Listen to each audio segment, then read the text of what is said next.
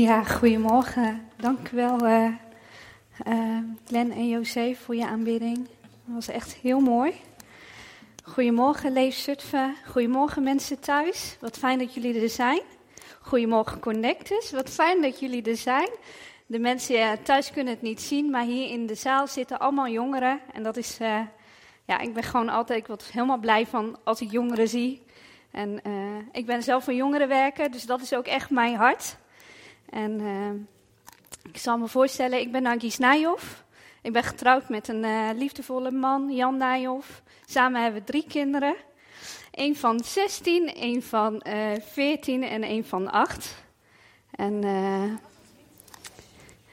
en ja, mijn dochter zit hier tegen me te praten, dus ik ben een beetje afgeleid. maar ehm, zoals jullie hebben gezien, mijn thema is geen Ken jij de wifi-code al? Heb jij de wifi-code al? En het is ook heel mooi dat uh, de aanbidding, die sluit er ook zo mooi op aan. En uh, jaren geleden, toen ik jong was, toen klein was, toen heb ik eigenlijk uh, de wifi-code gebruikt. En toen heb ik Jezus aangeroepen. Ik was een heel jong meisje, ik denk een jaar of negen of tien. Ik had het aardig zwaar. En midden in de nacht begon ik gewoon Jezus aan te roepen. En ik had op dat, op dat moment dacht ik echt van, nou, ik had gehoord van Jezus, ik had een Bijbel. Maar ja, ik kende hem eigenlijk niet echt. Dus toen heb ik hem aangeroepen. En op dat moment toen openbaarde God zich als een beeldname. En toen wist ik, ja, dat is Jezus, dat is God, dat is mijn God. En toen ben ik eigenlijk uh, ben ik toen de Bijbel gaan lezen. En jaren later um, heb ik een uh, na moment in mijn leven gehad. Toen uh, kon ik zo, ik had echt uh, rugklachten. Ik kon eigenlijk uh, ja, niet heel erg veel door mijn rugklachten. Op een gegeven moment weet ik nog dat ik in, uh, in de dienst zat. We zaten toen nog als leven in de bioscoop in Zutphen. En op een gegeven moment kreeg ik allemaal tintelingen in mijn benen en ik kon eigenlijk helemaal niks meer. Ik had zoveel pijn en mijn man die bracht me dus naar huis. Naar huis hebben wij de huisartsenpost gebeld. En die zei, uh, nou, neem maar gewoon een aspirintje. Als je nog niet uh, hebt overgegeven, dan uh, kan je nog wel een dagje wachten. En zo ben ik thuis gebleven met heel veel pijn. De volgende ochtend hebben we de huisarts gebeld. Die heeft me eigenlijk meteen gezorgd dat ik naar het ziekenhuis, in het ziekenhuis kwam. Want op een gegeven moment had ik totaal geen gevoel meer in mijn benen. En toen ben ik dus een tijdje verlamd geweest. En ehm, het was een aansturingsprobleem. Via mijn, ja, mijn hersens gaven de signalen niet uh, juist door, waardoor de kracht uit mijn benen helemaal weg was. En uh, ik kon dus eigenlijk niks. En ik was een jonge moeder, Priya en Rowan waren toen nog uh, vrij klein. Volgens mij zat Priya echt net, net op school. En ik had gehoord van een genezingsdienst van Jan Zelstra. Daar ben ik dus heen gegaan. Samen met mijn man in een rolstoel. En ehm, ik weet nog dat er veel mensen hebben voor mij op dat moment gebeden. Heel de gemeente heeft voor mij gebeden. En uh, iedereen had gewoon groot geloof dat er een wonder zou gebeuren. En die avond, uh, toen ben ik dus uh, gaan zitten. Nou ja, ik kreeg eigenlijk weinig mee, moet ik zeggen. Ik weet ook niet de dingen wat er is gezegd of wat er is gebeurd. Ik heb het op een videootje teruggezien. En maar God heeft me die dag gewoon genezen, gewoon volledig. En dit is echt elf jaar terug. En nu nog steeds loop ik in de naam van Jezus. En dit is zo'n wonder in mijn leven geweest. Niet alleen dat ik uh, wonderbaarlijk uit de rolstoel ben gekomen, dat ik ben gaan lopen, maar het heeft mij helemaal gevormd. Ik ben heel anders naar de wereld gaan kijken, ik ben anders naar God gaan kijken en ik ben eigenlijk meer gaan verdiepen in het woord van God. En uh, eigenlijk ben ik God uh, ook uh, meer als een vader gaan zien. Ik ben echt Jezus gaan leren kennen. En God had al een plan met mijn leven. En God had ook een plan met jullie leven. Met iedereen heeft hij een plan. Alleen maar durven wij de wifi-code te gebruiken? Durven wij te zeggen van Heer, dit is mijn leven, doe uw wil daarmee.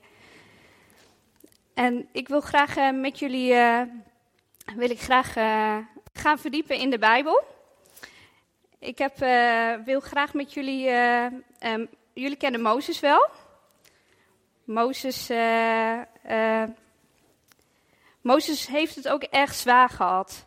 Ik zal een korte samenvatting geven voordat we verder gaan met het lezen. Want Mozes heeft het best wel zwaar gehad, want voordat hij eigenlijk werd geboren, hij, hij is geboren in een tijd van verdrukking.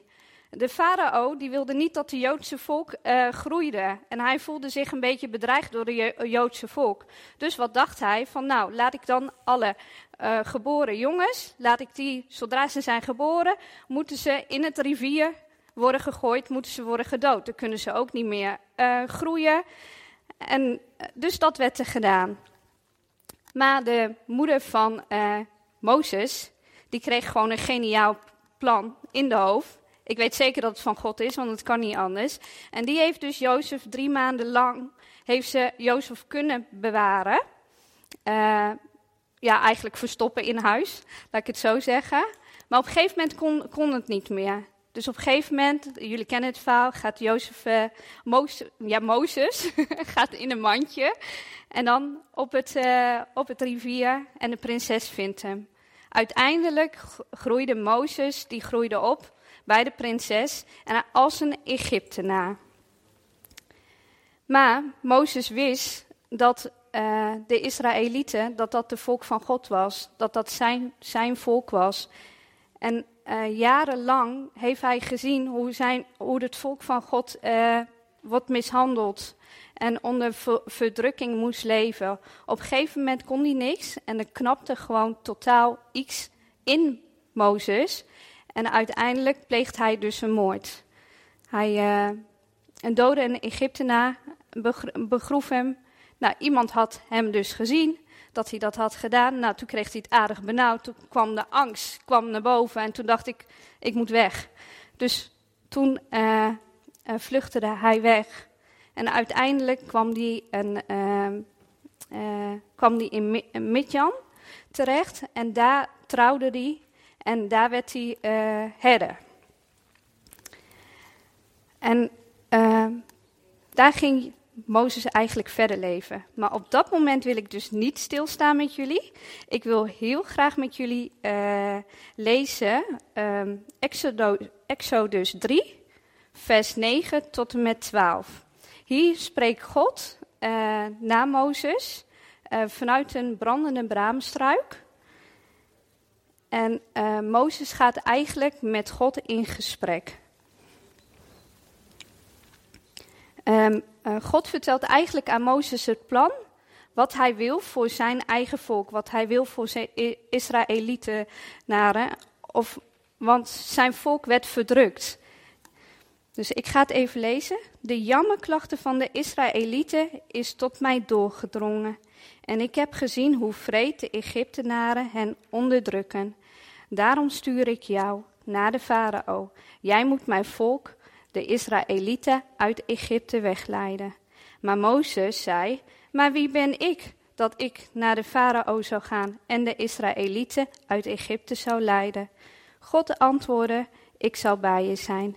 En, en, dit zal ik voor je, en dit zal voor jou het teken zijn dat ik je heb gestuurd.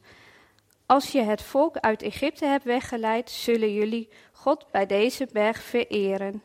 Maar Mozes zei: Stel dat ik naar de Israëlieten ga en tegen hen zeg dat God van hun voorouders mij gestuurd heeft en ze vragen: Wat is de naam van die God? Wat moet ik dan zeggen? Toen antwoordde God hem: Ik ben die er zal zijn.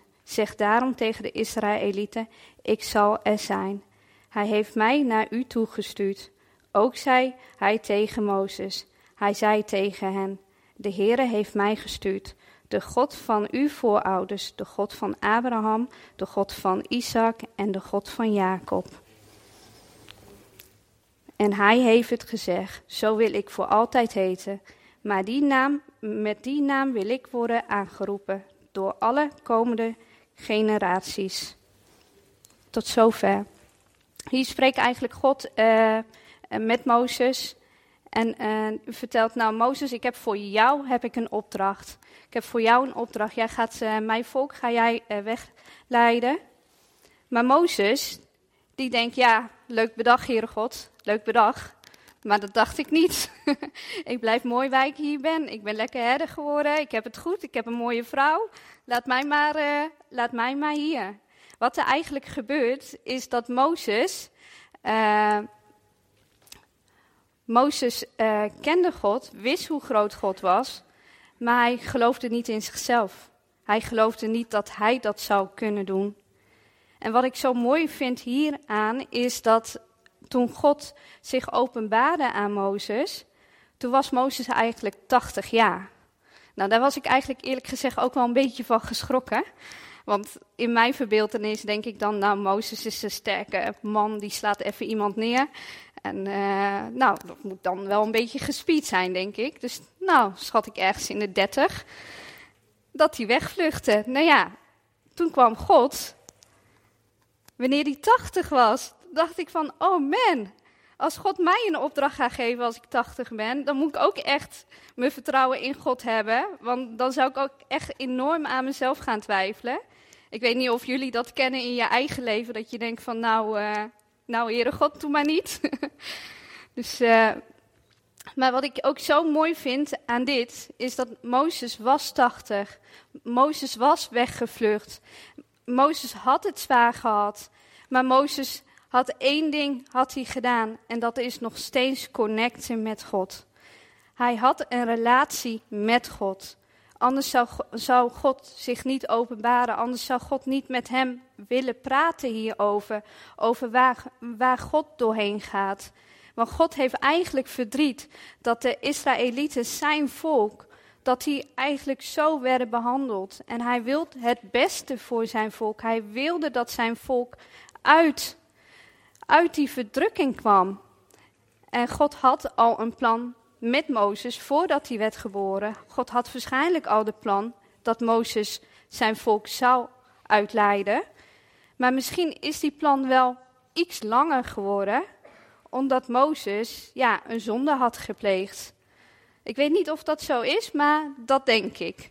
Dus. Uh,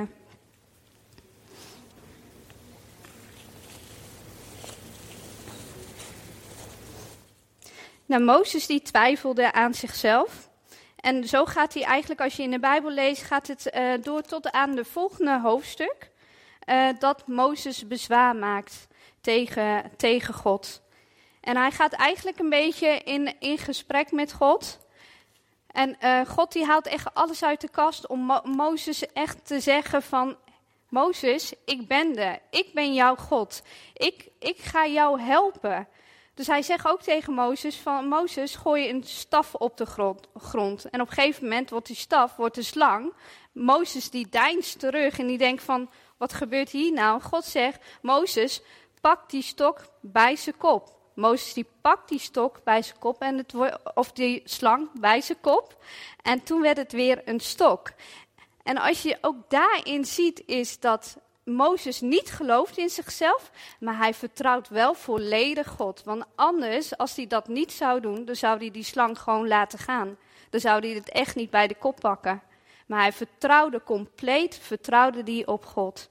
En dat is ook wat wij in onze leven kunnen leren van Mozes, is we hebben misschien de vertrouwen niet in onszelf, maar we hebben wel de vertrouwen in God. En God heeft het beste met ons voor. En God heeft een plan voor ieder van ons. En daarin mogen wij groeien. En tuurlijk, de angst, de angst heerst soms. Maar uh, ik heb een quote en dat, heet eigen, uh, dat is van, als angst heerst, dan sterf je geloof. Maar als je geloof heerst, dan sterf je angst. En zo is het. En dat is gewoon een goede om even in je hoofd te, te nemen en het ook ergens op te schrijven, zodat je dat vaker gaat herhalen. Want dat is wat gebeurt vaak in ons leven. God heeft een mooi plan voor ons in ons leven, maar vaak laten we, ons, laten we de plan van God laten we heersen door onze eigen angst. En durven we eigenlijk niet die uitstap te doen. Durven we eigenlijk durven niet uit te stappen.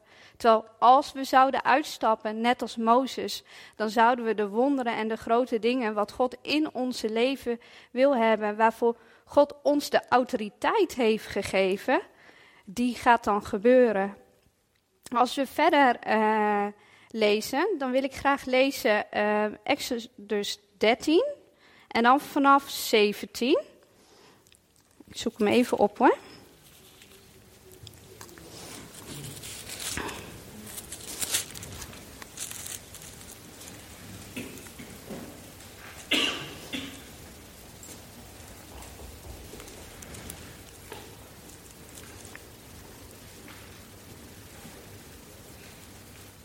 Even denken hoor, of ik hem...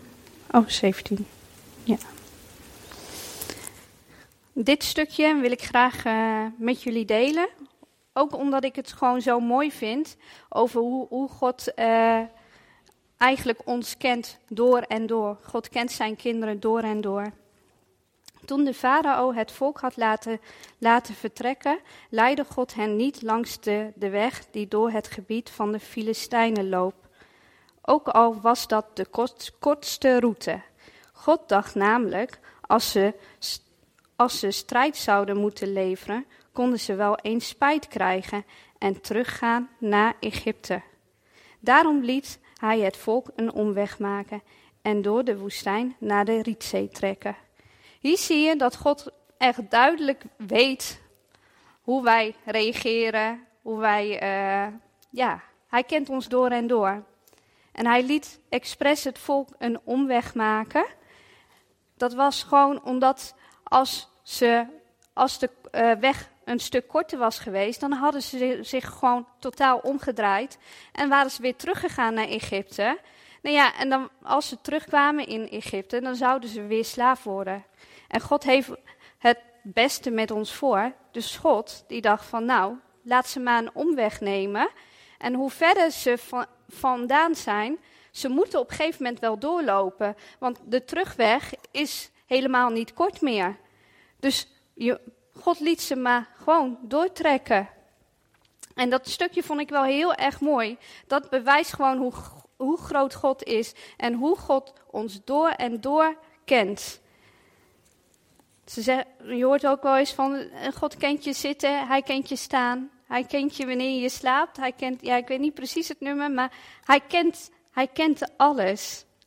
Als we naar Exodus 14 gaan en dan vanaf vers 5, gaan we even een lange stuk lezen. Tot en met 23. Toen aan de farao, de koning van Egypte, bericht werd dat het volk gevlucht was, kreeg hij en zijn hovelingen spijt. Hoe konden we Israël zomaar laten vertrekken, zeiden ze.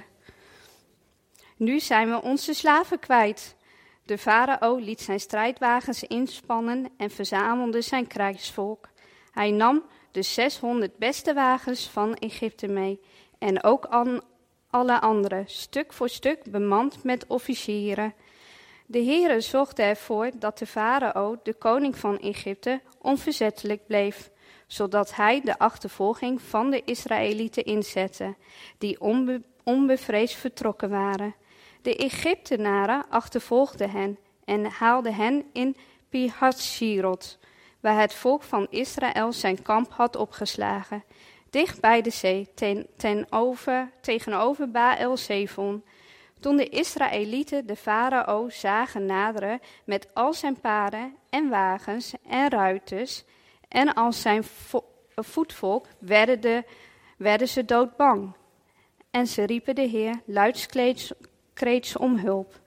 Ze zeiden tegen Mozes, waren er soms in Egypte geen graven dat u ons hebt meegenomen om in de woestijn te sterven? Hoe kon u dit doen?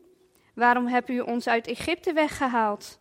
Hebben wij niet al in Egypte gezegd: laat ons toch met rust? Laat ons maar als slaven voor de Egyptenaren werken, want dat is altijd nog beter dan om te komen in de woestijn. Maar Mozes antwoordde het volk: Wees niet bang, wacht rustig af. Dan zult u zien hoe de Heer vandaag voor u de overwinning behaalt. De Egyptenaren die u daar nu ziet, zult u hier, hierna nooit meer terugzien. De Heer zal voor u strijden. U hoeft niks te doen. De Heer zegt tegen Mozes: Waarom roep je mij om hulp? Zeg tegen de Israëlieten dat ze verder trekken. Je moet, jij moet je staf geheven houden boven de zee en zo het water splijten, zodat de Israëlieten dwars door de zee kunnen gaan, over droog land. Ik zal de e- Egyptenaren onverzettelijk maken, zodat, hen acht, zodat ze hen achterna gaan. En dan zal ik mijn majesteit tonen door de farao en zijn hele legers, zijn wagens en zijn ruiters ten val te brengen. De Egyptenaren zullen beseffen dat ik Heer ben. Als ik, mijn majest, als ik in mijn majesteit de farao met al zijn wagens en ruiters te val heb gebracht. De engel van God, die steeds voor het leger van de Israëlieten uit was gegaan, stelde zich nu achter hen op. Ook de wolkolom, die eerst voor hem uitging, stelde zij achter hen op, zodat hij tussen het leger van de Egyptenaren en de Israëlieten uit, uit kwam te staan. Aan de ene kant bracht de wolk duisternis, aan de andere kant verlichtte hij de vuurzuil. De nacht. De hele nacht konden de legers niet bij elkaar komen. Toen hield Mozes zijn arm boven de zee en de Heer liet de zee terugwijken door de gedurende hele nacht een krachtige oostenwind te laten waaien. Hij veranderde de zee in een droge land. Het water spleet en zo konden de Israëlieten dwars door de zee gaan over de droog land. Rechts en links van hen rees het water op als een muur. Nou, dat was even een lang stuk, hè? Om te lezen. Maar weet je wat zo mooi is? Dat hier God die leidt Mozes. En wat er eigenlijk gebeurt, is dat uh, de farao die denkt: Oh, wat heb ik nou dan gedaan? Daar gaan mijn slaven. Hoe krijg ik nou alles in orde? Hoe krijg ik mijn werkers? Dus de farao denkt van, hup, we moeten ze terughalen. Nou, op een gegeven moment, het volk, die begint een beetje onrustig te worden. Want die hoorden dus de wagens en die hoorden, hoorden allemaal een beetje, ja, ik verbeeld me dan, ik ben echt een beelddenker. Ik denk van, oh, uh, allemaal herrie en uh, ja, je weet wel, die soldaten, hoe ze daar aankomen en uh, in hun strijdwagens. Nou, en de volk die begint uh, een beetje onrustig te worden. En het volk die daar zit, de Israëlieten, is niet alleen maar volwassen mensen. Hè? Er zitten ook gewoon kinderen bij. Er zitten baby's bij. Er zijn oudere vrouwen. Hun moesten dus eigenlijk op de vlucht voor die strijdwagens.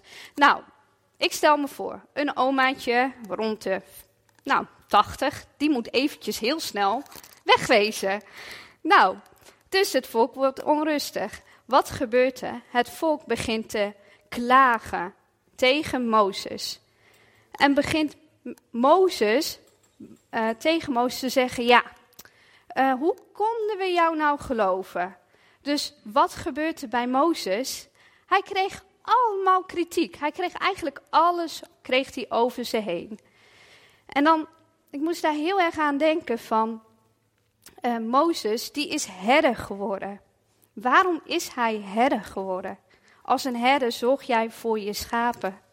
Je zorgt ervoor dat iedereen het goed heeft. En ik denk dat God in die tijd dat Mozes herder werd, dat God Mozes heeft moeten vormen. En met hem in gesprek is Mozes met hem in gesprek gegaan.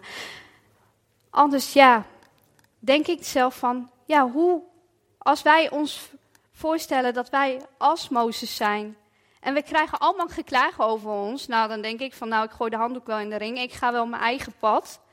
Uh, zoeken jullie het maar uit. Ik heb genoeg voor jullie gezorgd. Ik heb alles genoeg voor jullie gedaan. En alsnog hebben jullie geen geloof. Alsnog vertrouwen jullie mij niet.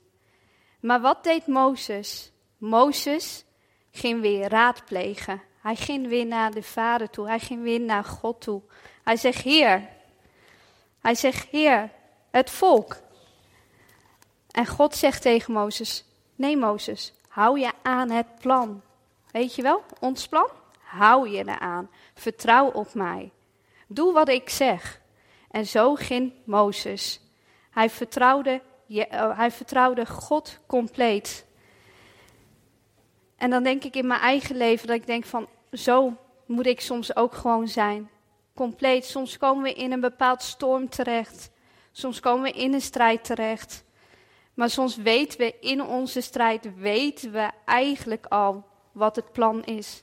Wij weten al dat wij door die strijd heen moeten. Maar soms moeten wij even onze angst opzij zetten en compleet volledig vertrouwen. Die connectie, die wifi-code, die moeten we gebruiken. En even ja, alles van God downloaden naar onszelf.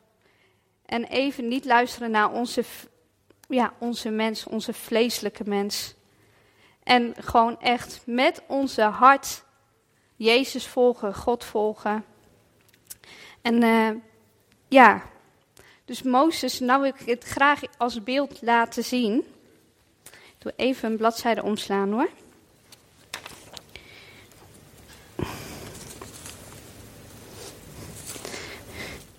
Oh, ik ben nog een stukje vergeten. De mooiste stukje. Tenminste, ik vind het mooiste stukje. Want uh, God leidde het volk weg. Maar hij zorgde dat aan de voorkant van de volk een engel was. Een wolkolom. Een engel en een wolkolom. God beschermde zijn volk. En zo is dat ook in ons leven. Hij beschermt ons. Wij zijn zijn kinderen. Hij beschermt ons. Uiteindelijk kwamen de Egyptenaren kwamen via de achterkant. Wat deed God? De engel die voorging, die ging aan de achterkant. Die ging achter het volk staan als bescherming. En die zorgde dat ze midden in de nacht, dat ze licht kregen. Maar dat de Egyptenaren aan de andere kant, dat het duister was. En dat is onze God. Zo groot is Hij. En soms zien wij niet hoe groot Hij is. Maar elke keer weer als ik dit lees, dan denk ik, ja, zo groot is God. En wij moeten echt, God, ja, hij verdient gewoon de allerhoogste prijs. Als ik dit dan uh, lees, dan denk ik, oh Heer, u bent zo groot. Er zitten zoveel wonderen wat hij heeft gedaan. En hij heeft zoveel openbaringen gedaan aan zijn eigen kinderen. Dus dat is gewoon, ja, dit uh, denk ik, oh Heer, u bent zo goed, u bent zo mooi, u bent zo geweldig. Dus uh, stel je voor, dit is Mozes of dit ben jij zelf. En God, uh, nee, niet God, nog niet. dit ben je zelf. Je hebt, zoals Mozes, dingen meegemaakt. Mozes die is eigenlijk geboren in een verdrukking. En dat heeft hem al iets in hem gemaakt pak even een doosje erbij. En zo kennen we eigenlijk allemaal wel onze pijn en onze verdriet. We kennen ook wel dat we, ja, misschien op school, misschien krijg je op school wel te horen dat je geen wiskunde kan. Of dat je een vak moet laten vallen. Of dat je juist uh, zegt van, nou, uh, je gaat het niet halen, waardoor je je faalde. En Mozes die kreeg, op, kreeg ook heel veel rottigheid over zich heen. Wat zou het wel niet allemaal met hem hebben gedaan toen hij zag uh, dat zijn volk, uh, dat zijn eigen volk werd mishandeld. Bad hij misschien wel tot God, Heer, stop het, laat het stoppen. En gebeurde het niet op het moment wanneer hij dat wilde. En zo is het ook in onze eigen leven. Misschien is er wel een collega die altijd uh, rot tegen je doet op je werk. Of uh, ja, noem maar op. Als kind ben je misschien wel gepest. Of als je gewoon langsloopt, gewoon in de stad. En mensen roepen je na. Misschien weten ze wel dat je christen bent.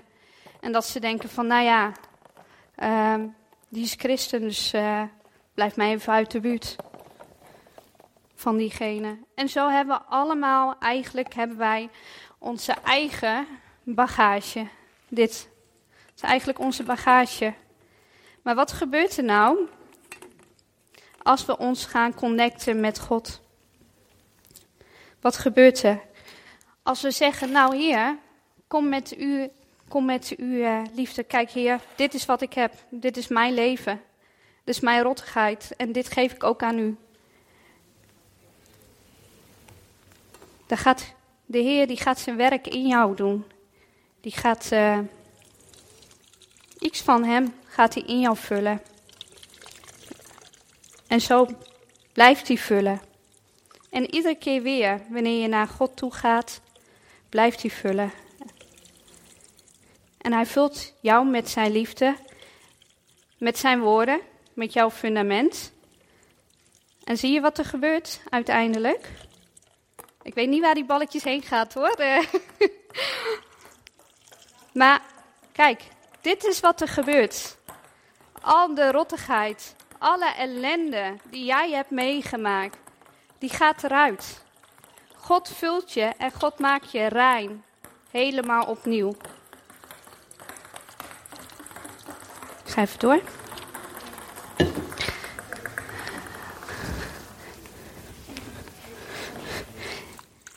En in de Bijbel staat ook dat uh, op een gegeven moment, als God jou vult, dan stroomt het echt letterlijk ook over. Kijk, het water stroomt over. Dat is de passie die wij hebben gekregen van God. Op een gegeven moment wil jij, wil jij wat jij hebt ervaren, je gaat getuigen.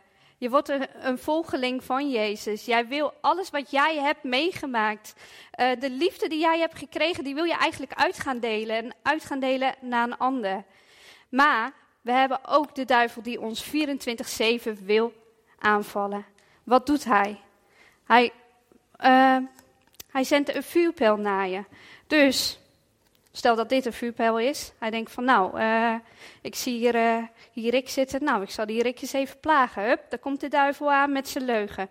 Maar wat er gebeurt, hè, als de leugen in hem komt, het gaat er ook weer uit. Want Rick, die zit helemaal vol met de liefde van God. De fundament van Jezus.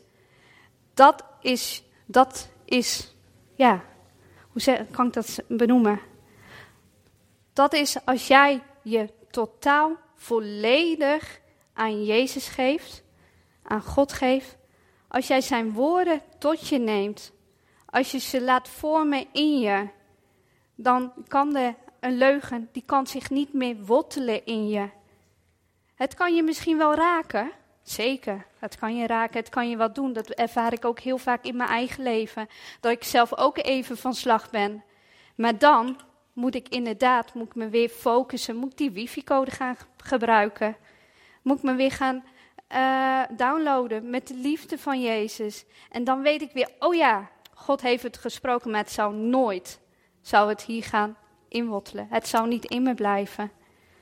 En ik heb hier een mooi boompje. Dit mooie boompje, dat uh, heb ik niet gemaakt. Dat heeft een, goede vriend van mij gemaakt. Hij zit daarachter bij de audio, Hassan heet hij. Die uh, maakt hele mooie boompjes. Wat ik hier nou zo mooi aan vind, is dat je de wortels, die kan je heel goed eromheen ziet. En dat is, als jij goed geworteld bent, dan kan er een, uh, een bliesje, er kan er iets komen. Er kan een storm komen. Maar dit boompje staat stevig. En dat is wat, wie wij zijn in Christus. Wij zijn stevig. Als wij ons vasthouden aan Zijn woord, staan wij stevig. Als wij Zijn autoriteit over onze leven uit gaan spreken, dan zijn wij, staan wij vastig. Want Jezus is onze rots. En daar mogen wij ons in vasthouden. En ik denk, ja, weet je, het doet gewoon zoveel uh, met mij als ik praat over de liefde van Jezus, wie Hij is. Ik heb heel veel dingen meegemaakt, ook heel veel ellende gekend, maar ik heb ook gezien hoe groot God is. En als jij op dit moment ook het gevoel hebt van, nou, uh, ik wil dit ook, ik wil die fundament, maar ik weet gewoon niet hoe. Nou, ik zou je een simpel één tip geven. Dus de tip wat eigenlijk hier in de Bijbel staat, wat Mozes gebruikte. Praat met God. Praat met God. Mozes had geen Bijbel. Mozes had geen kerk. Had eigenlijk niks. Het enigste wat hij had, dat was zijn mond. Hij kon het uitroepen naar God. En dat is ook wat wij mogen doen. Echt praten met God. En door en door, ochtends als je wakker wordt. Goedemorgen, Heer. De Heer wil heel graag met je chillen. Daar hebben we het uh, laatst met de connectors ook over gehad. Wat wil God nou? God wil eigenlijk met jou op de bank lopen chillen. Als jij daar aanbidding aan het doen bent, wil Hij graag met jou de aanbidding doen. Hij wil elk moment, wil Hij eigenlijk met jou zijn. En ja, zo groot is onze God. Zo liefhebbende God hebben wij.